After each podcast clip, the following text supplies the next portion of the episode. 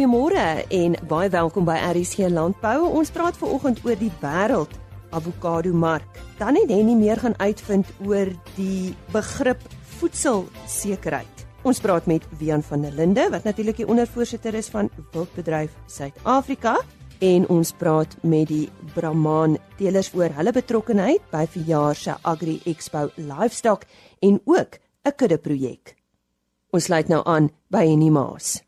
Wian van der Linde is 'n bekende wildboer daar uh, tussen Kimberley en Hopetown op die plaas Wintershoek en hy is ook ondervoorsitter van Wildbedryf Suid-Afrika. En uh, hy het 'n vernoot Henny Gous. En hulle twee is nie bang vir uitdagings nie. Hulle raak betrokke by soveel as moontlik fasette van die produksielyn. Uh wie aan miskien net jou 'n bietjie agtergrond. Waar kom jou liefde vir die wildbedryf vandaan? En ja, dankie. Ehm um, jong, ek dink ons ons almal, al ons Suid-Afrikaners het maar liefde vir die buitelewe en, en wil dit deel van dit.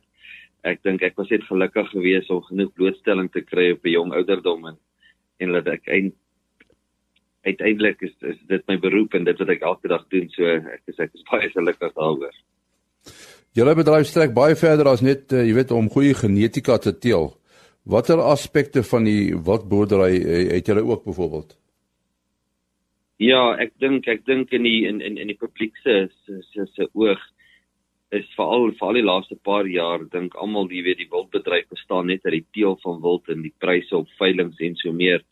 Ek dink dit gaan baie verder as dit. Ek dink jag was was al baie baie jare terug gevestig in bedryf en en het ons reeds al al al klompie jare wat ons oorsee se jagters kry en ook die Suid-Afrikaanse mark is 'n enorme groot mark in die jagkant.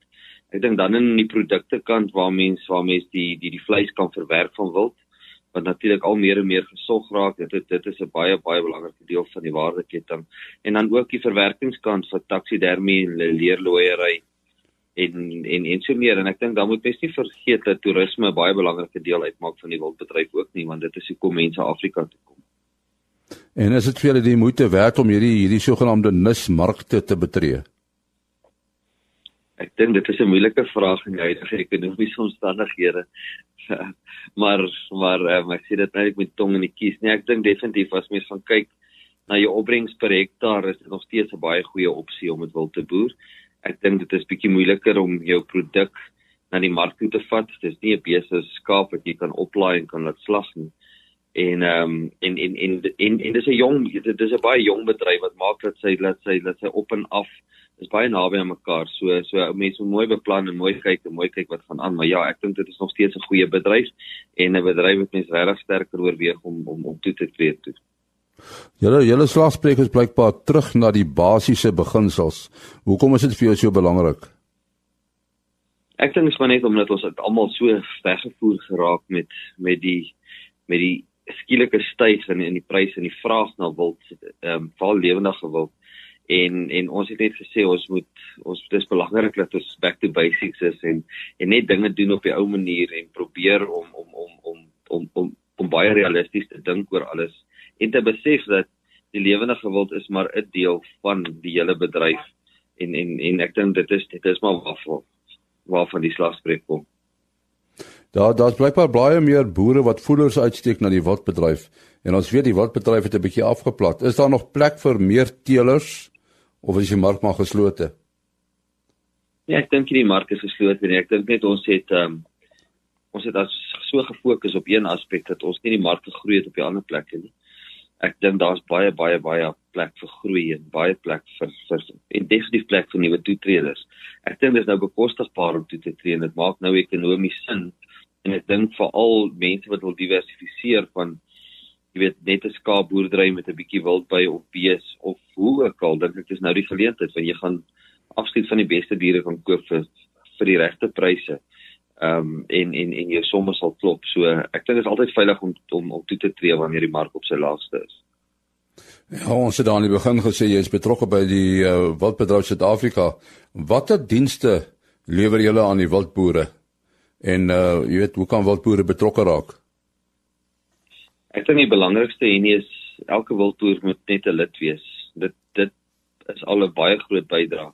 Dit is daagliks waar waar ons ehm um, CEO Adri Kits op Botha by nou betrokke is by die regering ehm um, onderhandel om ons in besigheid te hou om regulasies van so aard te maak dat dit dat dit in ons guns is en en en makliker is om besigheid te doen. Ons het 'n ongelooflike dinamiese raad wat wat wat wat regtig wil seker maak ons ons gaan ons gaan ons markte oopmaak en en en besig is met 'n klomp klomp goed wat my baie opgewonde maak. So ek dink weer is a ah, ehm um, dra regtig by en dit is baie moeilik vir die mense om te sien van buite af, maar as mense daar bo betrokke is, dan besef mense hoeveel tyd word ingesit om om beter te maak vir elke wildboer. Also dit was dan 'n gesprek met Wian van der Linde, 'n bekende wildboer daar tussen Hopetown en Kimberley. Is nou tyd vir vleispryse aangebied deur Chris Derksen en dit is pryse wat behaal is by veilinge in die Noord-Vrystaat. Die datum van hierdie veilinge was op Dinsdag 20 November. Daar het nie veel gebeur nie behalwe wat hartseer is is dat pryse oor die algemeen laag is vir die tyd van die jaar en veral vetlam wat heelwat laer is as wat ons sou verwag. Ek gee vir julle presiese pryse. Speenkalvers onder 200 kg R37.88 van 200 tot 250 kg R34.46 en oor 250 kg R33.03 per kilogram. A klasse 24.77 B klasse R21.66 C klasse vetkoeie R20.45 per kilogram lewendig en maar het gewissel van R17.51 na R18.95 per kilogram. Slagbulle R22.25. Vanaf die skaapmark stoorlam R41.50. Slaglammers R31.60 wat regtig teleurstellend is vir die tyd van die jaar. Trades of stooroeie R28.11 en vetooie R25.38 per kilogram en boerbokke het lammetjies gegaan R42 per kilogram en ooe R28.21 per kilogram. En soos altyd, indien ons van enige verdere hulp kan wees, skakel maar 08280 75961. Baie dankie. Baie dankie aan Chris Derksen en 'n webtuiste vir hulle soos altyd is www.vleisprys.co.za. Ek het tydens die Agri Expo Livestock by die Brahman stalletjie draai gaan maak en daar meer gaan uitvind oor hierdie ras, hulle betrokkeheid by livestock en uh, ook hulle kudde projek. Goeiemôre, my naam is Zietse Smit. Ek is die rasdirekteur van die Suid-Afrikaanse Brahman Teelers Genootskap. Ons hoofkantoor is in Bloemfontein geleë. Dis die eerste keer wat ons hier by Agri Expo Sandringham kom uitstal Ons is genooi deur Bruiten Milford spesiaal vanaf die Alfa week en hy het net gevoel dat ons kan nie langer nie ons gesig hier wys nie. So vir ons is dit 'n besonderse voorreg en ons sê weer eens aan die organiseerders, dankie vir die geleentheid en ons geniet dit sover. Vertel ons nou so 'n bietjie van uh, ook 'n kudde projek waarmee jy tans besig is. Dis ons het vanoggend het ons die by Hoër Landbou Skool Boland het ons 'n kudde inspeksie gedoen. Hulle is reeds lid by ons genootskap Ehm um, ons het vanoggend diere geselekteer wat opgaan in 'n opgradeerstelsel vanaf uh eh, hulpstamboek A opgegradeer word. Die kwaliteit wat ons gevind het is baie goed. Hulle is baie entoesiasties en die skoolkinders het ons ook alreeds vandag hier by die stalletjie besoek en hulle is net so opgewonde oor die projek wat aan die gang is. Vertel ons 'n bietjie van die ras vir ons luisteraars wat nou nie hierdie ras ken nie. Baie interessant. Ehm um, ons is amptelik een van die twee suiwer zebu of zebu rasse in Suid-Afrika. Ons uh alma mater as ek dit so mag noem is boerrane. Uh, die verskil tussen hulle en Brahmans lê basies daarin dat hulle het net 64% zeebloed omdat hulle ontwikkel is in Afrika terwyl Brahmans soos jy dit ken in Suid-Afrika of Suider-Afrika het ons die twee kleurtipes 'n rooi en 'n grys wat oorspronklik ontwikkel is via die FSA uit vier oorspronklike uh suiwer zeebo tipes. 'n Zeebo ras verskil sodanig fisies fisiologies van die meer van die Taurus rasse soos eh, Aberdeen Angus en Simmentaler wat dan 'n dubbeldoel is of anders 'n Hereford wat hier in die Weskaap baie meer volop is wat dan vir die Brahmane unieke geleentheid skep as 'n as 'n as 'n voorloper vir kruissteeling. Ons ras is bekend daarvoor dat ons baie goeie resultate met kruisstelling bereik, maar ook dan op ander plekke soos byvoorbeeld in die Noord-Kaap waar ons in ons harde en ariede omgewings boer, is die ras as 'n suiwer ras ook baie gewild en produseer hy baie goed. En teelers in die Wes-Kaap as sulks? Ons het ongeveer 3 teelers wat aangesluit is by die Wes-Kaap waarvan die Boland Hoërskool dan nou een van ons nuwe aansluiters is. Ja, en nou beweeg ons 'n bietjie aan. Met wie gesels ons nou? My naam is Hans ter Blans. Ja. Kom van Pretoria. Uh ons toetsnaam is De Blank Brahmane. Ek en my dogter boer saam. Ons is so 12 jaar besig al met die Brahmane. En uh dit is van jou Brahmane wat hier so is. Ja, ons ja. het uh, ek het 'n senior bil en 'n uh, kalf versie gebring en na die uh expo toe. Dis vir ons 'n voorreg om hier te wees uh al die pad van die Transvaal af. Uh hulle noem ons nou inkommers hierso. maar ons is hierso met die ras en uh die belangstelling en die en die in die in die vrae wat ons kry is baie interessant oor ons ras hierso. Ja, nou ek wil graag by jou weet, wat van watter tipe vrae praat ons? Wat is nou interessant vir ons luisteraars? Jong, eerste wat ons weet oor ons skof, wat is die skof? Natuurlik, ja. Nou, die skof is maar eintlik maar net 'n spier met vleis. En uh, daar's geen doel in die skof regtig nie, uh, maar is 'n lekker stuk vleis om te eet op die einde van die dag. Daar sien. Uh, ons probeer dit be bemark as 'n hamp. Uh hy as as as ons nou maar so mag sê, uh wat 'n baie lekker vleis is in die soutvleis of as 'n as 'n net 'n gewone snit wat 'n mens gebruik as 'n koue vleis dan. En dis of jy asof die uh, Kaapenaars nou nie lekker weet van hierdie hierdie ras nie. Vir hulle is dit heeltemal vreemd. Hulle hulle kan nie glo hulle sienswyse ons het 'n wille ras, maar ons het hulle regtig heeltemal verkeerd bewys. Ons het eintlik 'n baie mak ras en 'n liefdevolle ras. As jy die beeste se oë sien en die geaardheid teenoor die mense sien, dan uh, hulle kan dit net regtig nie glo nie, hoor. Nou kom ons gesels hier met Willie. Ek is Willie Jacobs, boer in Rustenburg. Alipad. En het jy het jy die beeste saam met jou gebring? Uh ja, ons het ons trok gestuur. Ja bevoorreg gewees om genooi te word deur Bruiten hier na die Agri Expo. En ja, besonder voorreg vir ons. Ja. ja. Ek verneem julle was by Alfa ook betrokke vanjaar? Dis reg ja. ja. Ehm ja. um, ons het gekwalifiseer met twee beeste wat by die Alfa deelgeneem het. Ja. In die interras kompetisie. In die in die interland interras ehm um, kompetisie ja. deelgeneem ja en ja. baie goeie resultate gehad. Ja. En jou indrukke, jy het nou gesê 'n voorreg om hier te wees, maar dalk net van die vrae wat jy gekry het en so oor die algemeen, die weer is nou so 'n bietjie anders. Ja, lekker winderig hier so in die Kaap. Ehm um, ja, die die die besoekers hier by die skou is is baie geïnteresseerd deur die ras en en ja, goeie interaksie gehad met die mense. Dit besonder ehm um, die kinders wat met die beeste beeste hierso gewerk het, het, het baie foto's geneem. Nuwe ding vir hulle in die Kaap. Ek dink baie mense wonder ook wat se spanning sit dit op 'n dier om byvoorbeeld by so 'n skou te wees. Is dit 'n is is dit natuurlik nie vir 'n dier 'n gemaklike ding om te doen nie. Ja, verseker die die afstand wat ons gereis het eerstens is is redelike stres op die diere. Mm. Ons het hulle baie goed hanteer, jy weet, uh, min diere gelaai, goeie materiaal gesit, hulle het gerus op die pad. 19 ure gery om hier te wees. Ehm um, ja, maar maar ons diere is is mense gewoond en so ek sê die die persepsie wat daar is oor wilde diere is is uitgeskakel. Ons selekteer um, vir temperament en en hierdie beeste hanteer hulle baie goed hierso. Brahmans in die algemeen word in die volksmond verkondig en is 'n persepsie wat negatief bestaan dat ons ras nie goeie temperament vertoon nie. Maar as gevolg ons is 60 jaar nou in die ras uh, in Suid-Afrika.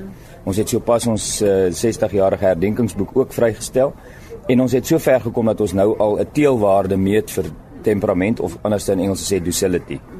Die die effek wat ons daarvan het is baie goed en deurgangs op al die plekke waar ons ons beeste vertoon het ons hierdie ongelooflike ervaring dat mense met heeltemal 'n nuwe oë na ons kyk en wat dit betref het ons dit het ons hierdie hekkie oorkom mm. en ons sien uit na die toekoms wat ons dan met genomika in hierdie spesifieke eienskap sal ook kan bereik. Ek het vroeër vir jou gevra hoeveel teelers in die Weskaap, hoeveel teelers het julle ook landwyd? Ons het so 370 teelers landwyd. Verspreiding van ons teelers is meerendeels vanaf Bloemfontein in 'n noordelike rigting in die Noordwes area en dan in Limpopo en Mpumalanga is ons meeste teelers geleë. Nou ja, dis dan 'n gesprek wat ek gehad het by Finjaar se Agri Expo Livestock daar op Sandringham. Ek het met die Brahmane gesels, uh onder andere Zietse Smit wat die rasdirekteur is van die Brahman Teelergenootskap en saam met hom was Hanster Blanche en Willie Jacobs. En nou sluit ons weer aan by Henny Maas. Hy het meer gaan uitvind oor voedselsekerheid.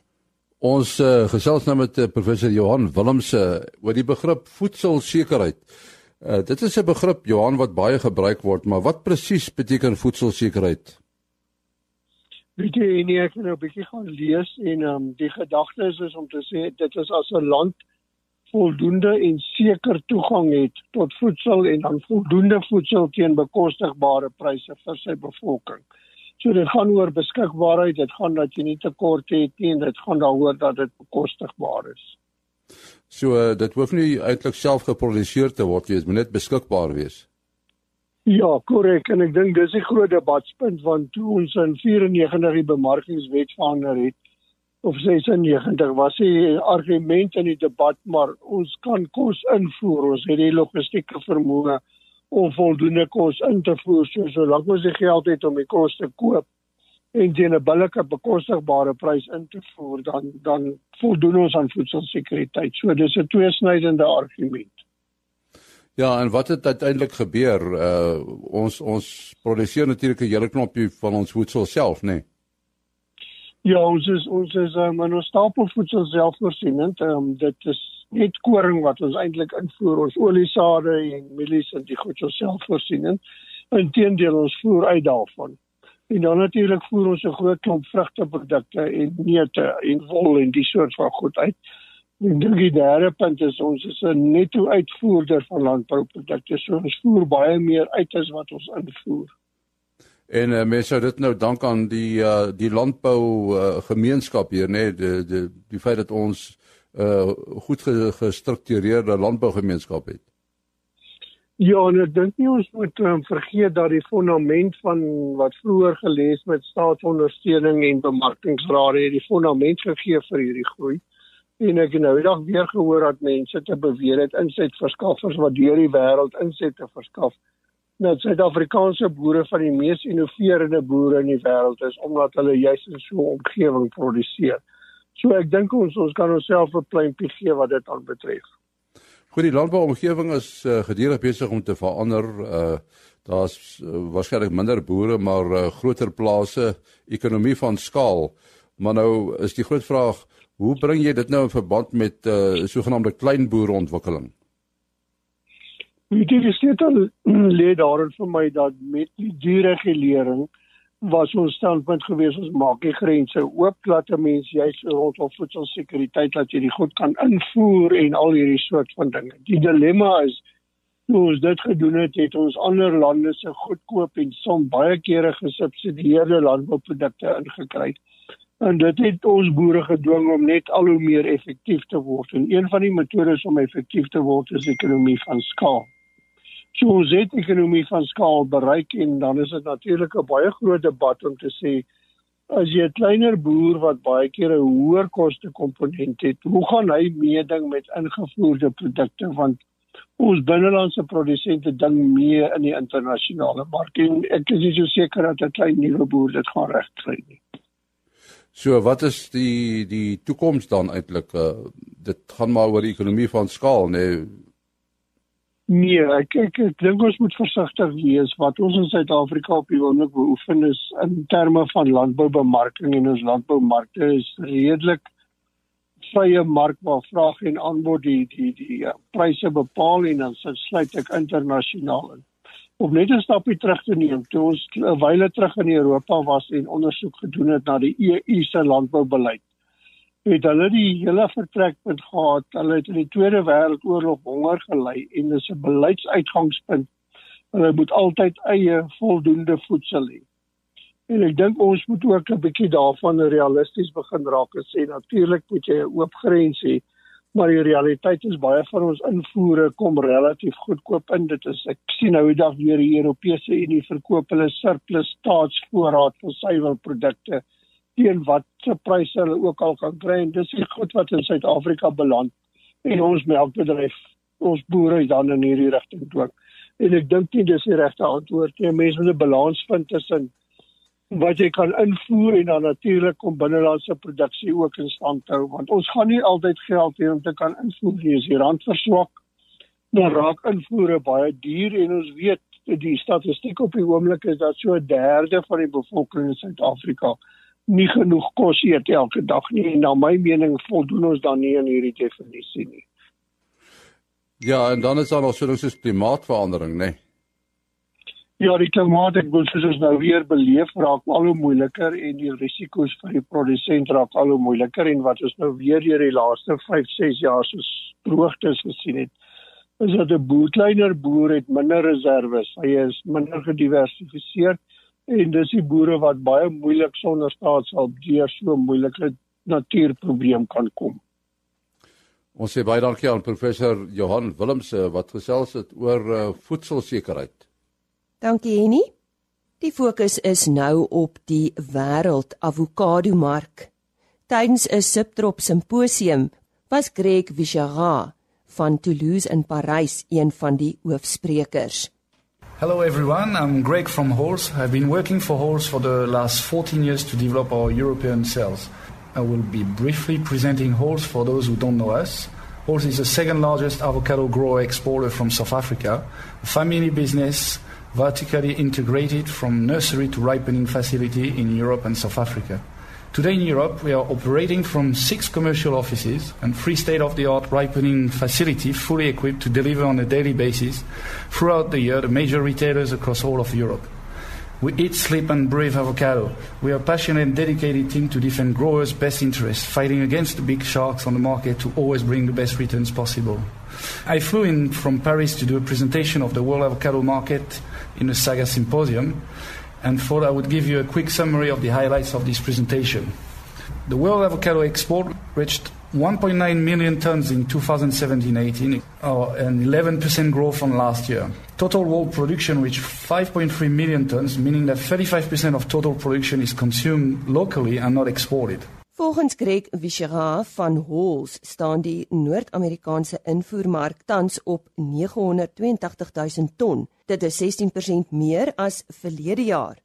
Met 'n verwagte groei in 2019 wat die 1 miljoen ton merk sal oorskry na sowat 1.1 miljoen ton wat ook 'n 11% groei is.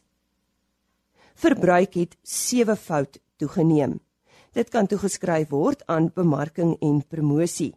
Die Avokado Bemarkingsraad in die FSA belê 65 miljoen dollar in bemarking. As die verbruik jaarliks met 10% groei, sal 100 000 ton ekstra benodig word. Hy verduidelik nou hoe die mark in die EU daaruit sien. So the EU import grew to 540,000 tons or 6% growth from June 2017 to May 2018. It is expected to grow to 625,000 tons this year or 15% growth. This 2018 summer, we have smashed all records. Volume way exceeded forecasts from all origins. Peru exported 220,000 tons to Europe from 154,000 tons on the previous year. South Africa exported 88,000 tons to Europe on compared to 44,000 on the previous year. Prices were under pressure adjusting to these weekly volumes, unfortunately. We have seen 18 weeks of volume above 3 million cartons on the market, and even two weeks record touching 4 million cartons. As gevolg van prysverlaging word daar verwag dat verbruik sal styg. There has been so many promotion in stores all summer that more people got to try avocado and some of them will continue to buy them going forward. Maar wat word van die wintermaande verwag? And we are predicting for this winter 2018-2019 about 30% more volume compared to last year. This is because Colombia is going to export 43% more volume compared to last year. Israel and Spain are both expected with a bumper crop of about 30% more volume. The EU consumption per capita limited supply in 2017 and winter 2018 restricted growth into double digits, so we ended with only 6% growth. But still, Germany and Spain are both showing very attractive growth, about 17%. Hy het verder genoem Duitsland is nou die derde grootste mark in die EU. Ons beweeg nou China toe. Increase of over 10,000 tons in past 12 months to 43,000 tons. Estimated for 2019 to hit almost 65,000 tons. They have 1.4 billion population, so consumption per capita is tiny, but enormous growth potential. Chinese people really like avocados, so it could really become the biggest market in the world for avocados. Om te voldoen aan die behoeftes van die Chinese mark, beplan China eerstens om self aanplantings te doen. Mission, die grootste Amerikaanse maatskappy, is gevra om nagenoeg 6000 hektaar in China aan te plant. Kenya is going to sign an agreement with China to allow them to export their avocados. It is extremely important that South Africa does the same. We all need access to new markets in order to diversify the export and protect returns to growers in the future. Vishera fokus nou op die Suid-Amerikaanse mark. Colombia is the next big source to arrive on the market, mainly in the European winter. There are heavy foreign investment into larger estates and professional packing operation. So far, 17,000 hectares are currently in production, same as South Africa. Rapid growth in export reached over 40,000 tons this year. It was under 2,000 tons five years ago. Potential to compete against Chile and Israel as the biggest European winter provider. They will have as well production in the summer due to several flowering of the trees. Mexico is the largest grower of avocado in the world with 1.9 million tons. They are projecting that by 2030 they will have 1 million tons or 250 million extra 4 kilo cartons of avocado to export. This is really showing that promotional activities are vital. Volgens kyk ons na aanplantings wêreldwyd. Official figures are showing 10,000 hectares are planted every year, but we believe it could be as much as 20,000 hectares. Reality is underreported. Mexico is reporting planting 3,000 hectares per year, but in reality they are planting more around 10,000. Deforestation is such a big subject internationally that growers are not reporting what they are planting. Colombia is declaring planting 1,800 hectares per year, but it could be in reality up to 3,500 hectares. And other countries like Portugal and Spain are really underestimating what is being planted too. Supply and demand have to work hand in hand, or we could see a tip in the scales in production runs ahead of demand. A 10% growth in consumption worldwide, an extra 190,000 tons will be required. But with current new planning, it could reach up 250,000 tons extra production per year, putting pressure on prices due to supply outstripping demand. The key takeouts our market access will become more and more important. Continuous promotional activity is vital to keep the high growth in consumption. But do not forget in the meantime that quality has got to be its highest, otherwise we won't sustain the growth. En dit was dan Greg Vichera wat oor die wêreld avokado mark gepraat het. Hy is van Halls en was een van die sprekers by 'n subtrop simposium. Dis dan al vir vandag. Baie dankie dat u hierdie week saam met ons gekuier het vir RSG Landbou. Môreoggend om kwart voor 5 is uh, die nuus terug daarvan die Wes-Kaap Departement van Landbou. Mag dit met u net goed gaan. Totsiens. RSG Landbou is 'n produksie van Plaas Media. Produksieregisseur Henny Maas. Aanbieding Lisa Roberts. En inhoudskoördineerder Jolandi Root.